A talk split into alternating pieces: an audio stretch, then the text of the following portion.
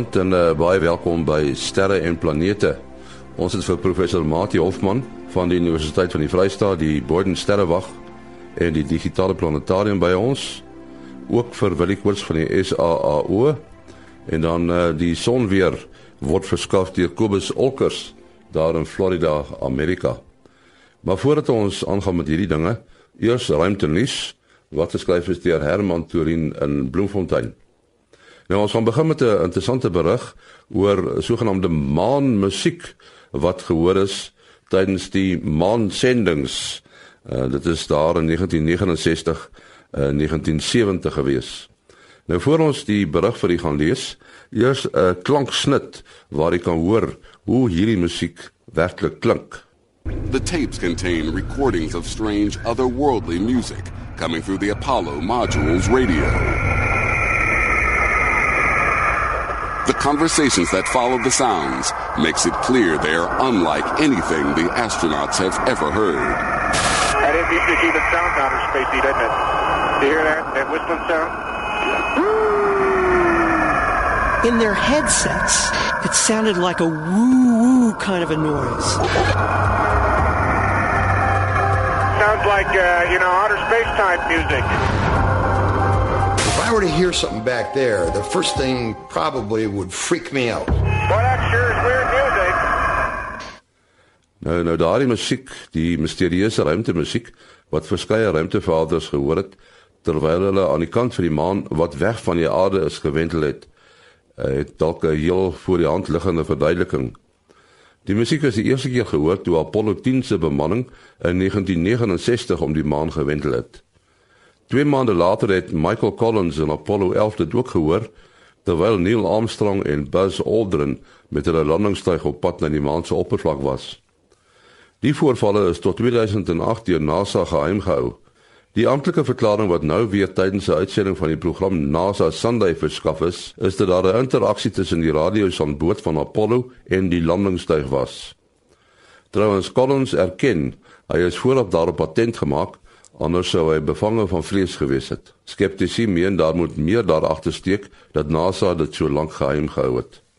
Tot sover ruimte nuus wat geskryf is deur Herman Turin in Bloemfontein. Nou Kobus Olkers en die son weer. As ek net so vinnig kyk dan lyk dit nie vir my asof daar enige aktiewe areas is wat vir ons gaan werklik 'n groot uh, korona massa uitbarstings gee nie. Magnetiese kompleksiteit is baie laag en die enigste enetjie wat nog 'n kans gehad het, het sopas agter die son in verdwyn. Dan kom ons terug na die die dinge wat kan 'n verskil kan maak en dit is nommer 1 ons weer ons groot kroon korona gat oor die uh, noordelike uh, pool van die son wat vreeslik laag afkom. Ehm um, ons het reeds hier van Woensdag se koers af 'n bietjie toename in sonwindspoed gehad en dit is nog steeds aan die gang. En ek verwag dat ons hier van Dinsdag af weer 'n uh, probleempie gaan kry van 'n koronagat wat uh, in hierdie geval redelik naby aan die ewenaar van die son is wat alhoewel hy kleiner is vir ons 'n groter probleem gaan gee. Sy magnetiese polariteit is noordwaarts relatief tot die aarde sin. So hy dit lyk vir my asof die magnetosfeer 'n bietjie intensiteit gaan toeneem en ons langafstand uh, geselsers gaan dan 'n bietjie beter kommunikasie hê oor baie baie lang afstande. Dan het ons ook uh, twee riwe van van antipolariteit op die son en hulle gee natuurlik dan vir ons filamente Die een sit in die suidelike halfrond van die son.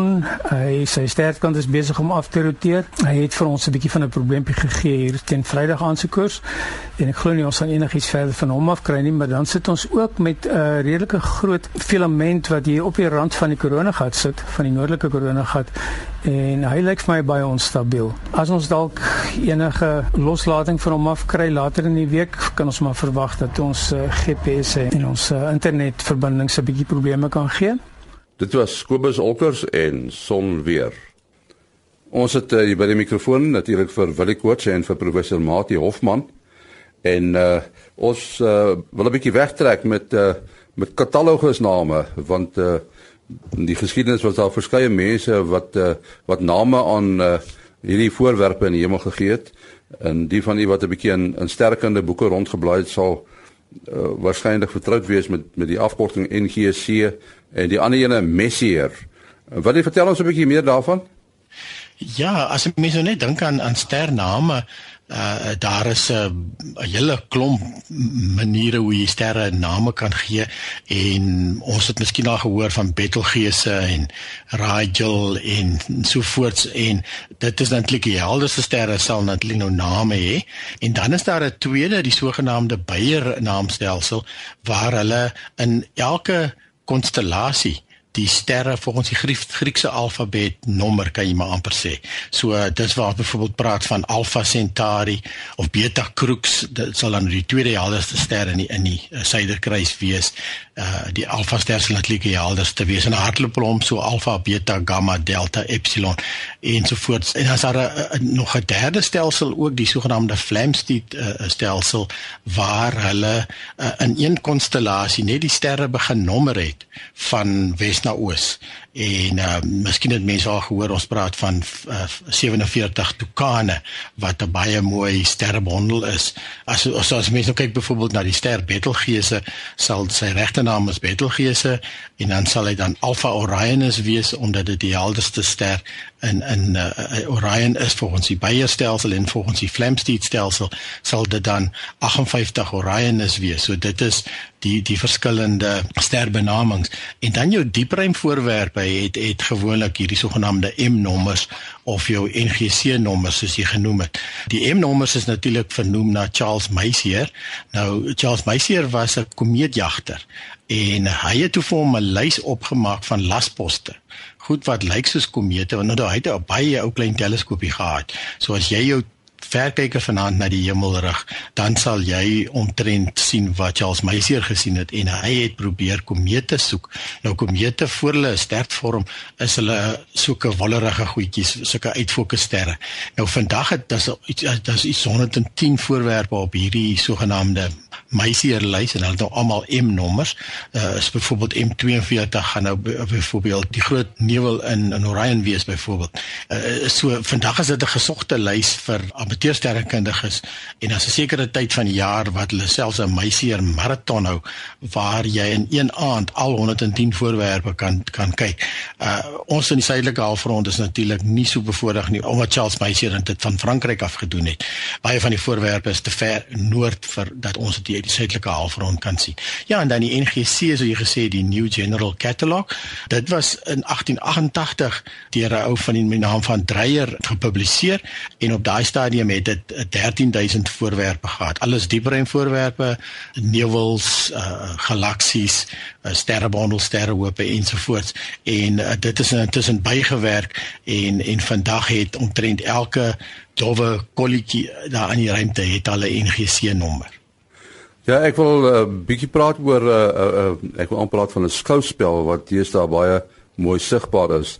Mense vra my dikwels waarna kan hulle kyk uh, wat nou kan beskryf word as 'n skouspel en dit is die uh, sterrebondel Omega Centauri wat uh, naby die uh, die suiderkruis lê. Uh, Mati, uh, dit word beskou mos as die grootste gesote sterrebondel in ons Melkweg, is ek reg? Uh ja, en dit is nou een van die ongelooflikste voorwerp om uh deur 'n uh, amateur teleskoop te bekyk. Uh val as jou deursnee hier so by 8 duim of 20 cm kom. Uh vir my persoonlik het my eerste kyk na Omega Centauri as ware paradigma verskywing teweeg te uh, gebring, want dit is 'n voorwerp wat jy met die blote oog uh, net net kan sien as 'n dowwe kolletjie. Jy kan hom redelik sien. Jy kan dowwe voorwerpe ook sien, maar dan moet dit dan nou mooi donker wees en geen straatligte wat in jou oë oorskyn nie. As jy dan nou met 'n verkyker na daardie kolletjie gaan kyk en dit met die oog lyk dit soos 'n ster wat 'n bietjie uit fokus uit is. As jy met 'n verkyker gaan kyk, dan lyk dit soos baie soos die uh, die koma van 'n komeet uh, as hy nog nie 'n ster het nie. Uh, jy kan jy sien net 'n blok uh, so 'n ligblok, uh, maar jy kan niks verder sien nie. Maar as jy dan nou hier so by die uh, 8 duim teleskope kom, miskien 'n 6 duim net net, dan word hy opgelos, opties opgelos in ter duisende spikkeltjies. Elke spikkeltjie is ster en daar die idee dat iets wat vir die oog soos een ster bietjie uit fokus uit lyk, is in werklikheid ongeveer 'n miljoen sterre bymekaar en jy kan nie al miljoen sterre dan so sien nie, maar jy sien genoeg spikkeltjies uh om jou te oortuig daar's verskriklik baie sterre. Uh die afstand na so na daai voorwerp is baie uh baie ver. Dis nou nie die verste voorwerp wat mens met die blote oog kan sien nie, maar een van die verder voorwerpe, amper 16000 ligjare as ons so 'n bietjie uh afrond. So dit beteken ons sien die voorwerp soos hy 16000 jaar gelede gelyk het. Nie dat hy noemenswaardig sou verander het in net 16 jaar nie, maar ek dink dit was toe nog ystydperk op die aarde, so dit is uh in mense terme is dit uh, baie lank gelede daar's 'n uh, tientalle van hierdie uh, voorwerpe. Hulle is nie so volop soos die oop stertrosse nie. En uh, maar daar's 'n hele klomp wat interessant van hulle is, hulle is nie beperk tot die uh tot die vlak van ons melkweg nie. So hulle is so half in 'n in 'n bol rondom die melkweg uh, versprei. So mens kan hulle in allerlei rigtings sien en net in die uh naby aan die melkweg se band wat so oor die sterrehemel loop nie. Ja, ek het nogal gevind dat uh, as mense verkyker neem, dan kan mense Omega Centauri ook nog baie mooi sien. Uh ja, net die individuele sterre, maar jy kan baie duidelik sien dit is nie 'n ster nie. Uh jy kan uh, jy soos ek gesê het, dit lyk baie na 'n komeet om die waarheid te sê.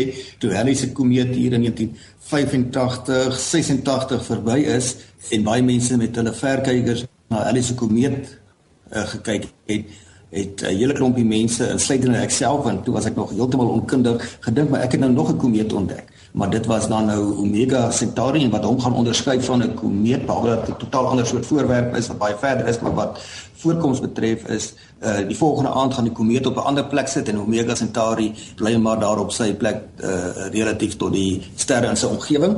En dit is nie te ver van die uh, suiderkruis en die uh, wysersterre nie. Uh, mense het nou maar 'n diagrammetjie nodig om te verduidelik waar die mense na hom kan soek. Uh, maar hierdie tyd van die jaar hier so van 9 uur af in die suidoostelike rigting, nie te laag daarom nie. Uh, maar afval hy's links bo die suiderkruis as ek nou vir my mooi dit so probeer voorstel. En uh, ek het nou maar my lyne wat ek daar teken om hom te kan kry. Ehm uh, jy moet naby hom kyk voor jy seker jou oog gaan vang. Maar mens moet kyk vir iets wat so 'n dowwe sterretjie lyk maar net bietjie meer uit uh, uit fokus en uh, mens sal beslis 'n kaart daarvoor op die internet kan opspoor en natuurlik ook in die Sky Guide uh, Afrika self wat in uh, boekwinkels verskrygbaar is. Ja, miskien net 'n aanduiding uh hoe ek hom eintlik baie maklik vind is as 'n mens die heel onderste ster van die Suiderkruis neem, Akrux, die heel onderste een van die langbeen en jy uh, trek 'n lyn na die linkerkantste ster, Mimosa sy naam jy trek 'n lyn en jy trek daai lyn verleng jy dan verder aan dan kom jy by Omega Centauri uit. Ja, mens kan ook van die as jy daai lyn vat en jy begin by die die uh, Beta Centauri, die die dowwer een van die twee wysersterre en net links bo hom is daar ook 'n helderige sterretjie bietjie dowwer en as jy daai lyn trek waar hy daai lyn wat jy nou beskryf het sny. Dis waar jy Omega Centauri om omtrent kan vind. Uh nou as jy 'n bietjie aan die sterrekunde dink van hierdie uh, bevormige sterrehope, ek bedoel hulle is enorme voorwerpe met uh honderde duisende tot meer as 'n miljoen sterre. Uh daar is mense wat reken hulle was dwergsterrestelsels wat deur ons uh Melkwegsterrestelsel uh ingesluk is. Uh nou om ten volle te waardeer van die die skaal waarteen goed daar in die ruimte bestaan uh soos soos gesê hy lyk soos 'n sterretjie bietjie uit fokus uit deur 'n goeie teleskoop, goeie vergroting maak hy jou hele veld vol en dan sien jy nou hierdie spikkeltjies. Uh vir so sterre vir so bolvormige sterrehoop kan die gemiddelde afstand tussen daai sterretjies wat vir jou lyk of hulle so saamgekook is kan nog in orde van 'n halwe ligjaar. So dit is 5 miljoen miljoen kilometer as ons van 'n halwe ligjaar praat. Die uh 1/8ste van die afstand na ons naaste ster. Uh so daar's steeds heelwat ruimte uh tussen hulle dinamika van daai sterre uh sal natuurlik baie interessant wees want hulle gravitasie is sterre is vergelykbaar met die son wat baie massa het. Uh so daar's beweging van daai sterre en daaruit kan as die sterrekundiges dit waarneem, kan hulle baie wys word. Daar vind ook onder daar so baie sterre sterre is, daar ook botsings tussen daai sterre plaas. Uh maar dit bly 'n baie seldsame gebeurtenis omdat die ruimte so groot is, selfs in so 'n uh, diggepakte voorwerp. Ja, want daar is selfs 'n storie dat as jy op 'n planeet sou wees in so 'n stelsel, sou dit nooit nag gewees het nie, want daar sou altyd 'n paar sonne op gewees het. So dit sal 'n interessante wêreld gewees het om te bly. Daar is lyk my uh, amper elke dag 'n nuwe eksoplaneet wat ontdek word, maar min van hulle is sigbaar uh, van 'n teleskoop. Ek praat nou van die Hubble teleskoop. En uh, ek sien daar is so 'n uh, eksoplaneet wat soos Jupiter lyk. Like, wat die ouens nou na kyk. Uh, maar hulle sê die die reën wat daar val bestaan uit stukke stukke ys en stukke yster. Dis nogal vreemd vir my. Ja, ek het ook gesien uh, ja die Hubble ruimte teleskoop het 'n direkte waarneming gemaak en uh, ja mens is gewoond aan ons leefwêreld waar uh die atmosfeer is is gas en die oppervlak is is is uh is rotsagtig en en water. En uh ja so dit ek meen ons het al voorheen gepraat van diamante wat op op planete kan voorkom 'n hele 'n hele ster wat uit diamant gemaak is en so aan. So hier kry jy eksotiese uh materiale. Jy kry byvoorbeeld uh van die maane waar uh of soos Jupiter waar die gasse so saamgepas het dat dit eintlik 'n tipe van 'n metaalagtige uh uh, voorkoms aanneem uh um, en en ja so dis baie eksotiese goeders wat jy wat jy in in in die hemelruim kry. Ja die die uh en jy praat dan van die vreemde gebeurtenis by die eksoplaneet. Uh weet ons het nou maar 8 planete en 'n paar dwergplanete. Uh en as mens in gedagte hou dat ons Melkweg sterrestelsel dalk meer planete as sterre kan hê, kan mens jou voorstel wat se verskeidenheid daar kan wees. Ek weet daar's twee geen, geen twee planete in ons sonnestelsel wat naaste by dieselfde is nie. Weet, ek sien nou hierso vir nog 'n item van 'n eksoplaneet wat 'n superaarde is, uh waar daar heelwat koolstof is ook in sy atmosfeer en omdat hy 'n superaarde is, is die druk so groot dat jy klein diamantjies kan kry in sy atmosfeer. Dat diamantjies kan reën ook. Uh so mense kyk baie baie eksotiese moontlikhede. Uh ons gaan seker nog baie on, uh on, baie baie meer ontdek met tyd. Maar die ongelooflike is is dat die mense hierdie inligting te uh, bekom. Dit, hoe is dit moontlik? Uh want was in eerste plek baie mo moeilik om hierdie planete te begin ontdek. Ongeveer 20 jaar het ons nie van enige een spesifiek geweet nie. Toe maar begin om dit te ontdek.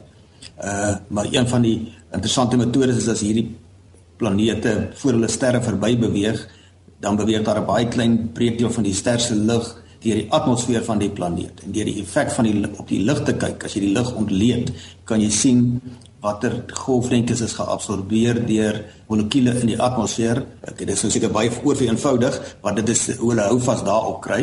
En as hulle dit nou koppel met ander inligting en modelle uh van wat gebeur met gasse bepaalde gasse onder bepaalde atmosferiese omstandighede en atmosferiese druk dan kan jy nogal merkwaardige gevolgtrekkings maak. Ja, en ek uh, kan nou sien hoekom die ouens so uitsien na die lansering van die James Webb teleskoop want uh, ek dink 'n mens kan sonder vrees vir teespraak sê dat die Hubble eintlik sterre kan verander het. Nou as die James Webb daar is, gaan die sterre kan waarskynlik nog meer op sy kop gegooi word as ek reg. Ja, definitief want die die James Webb gaan natuurlik nou ook nie net in sigbare lig werk nie, maar ook na die infrarooi kant toe en infrarooi kan ons deur stofwolke laat sien en sulke klas van goed.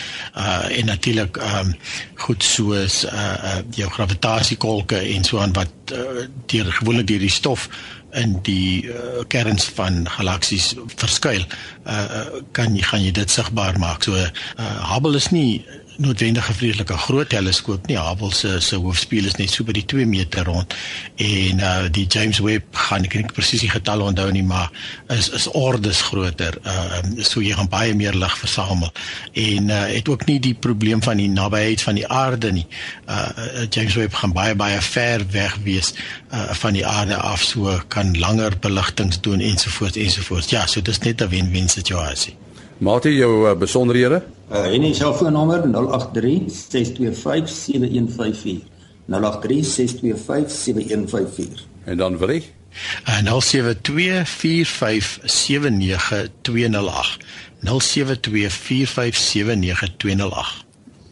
Ons sê baie dankie aan Willie Koorts en professor Mati Hofman. My besonderhede maas.henny@gmail.com maas.henny@gmail.com. Tot uh, volgende keer. Mooi loop.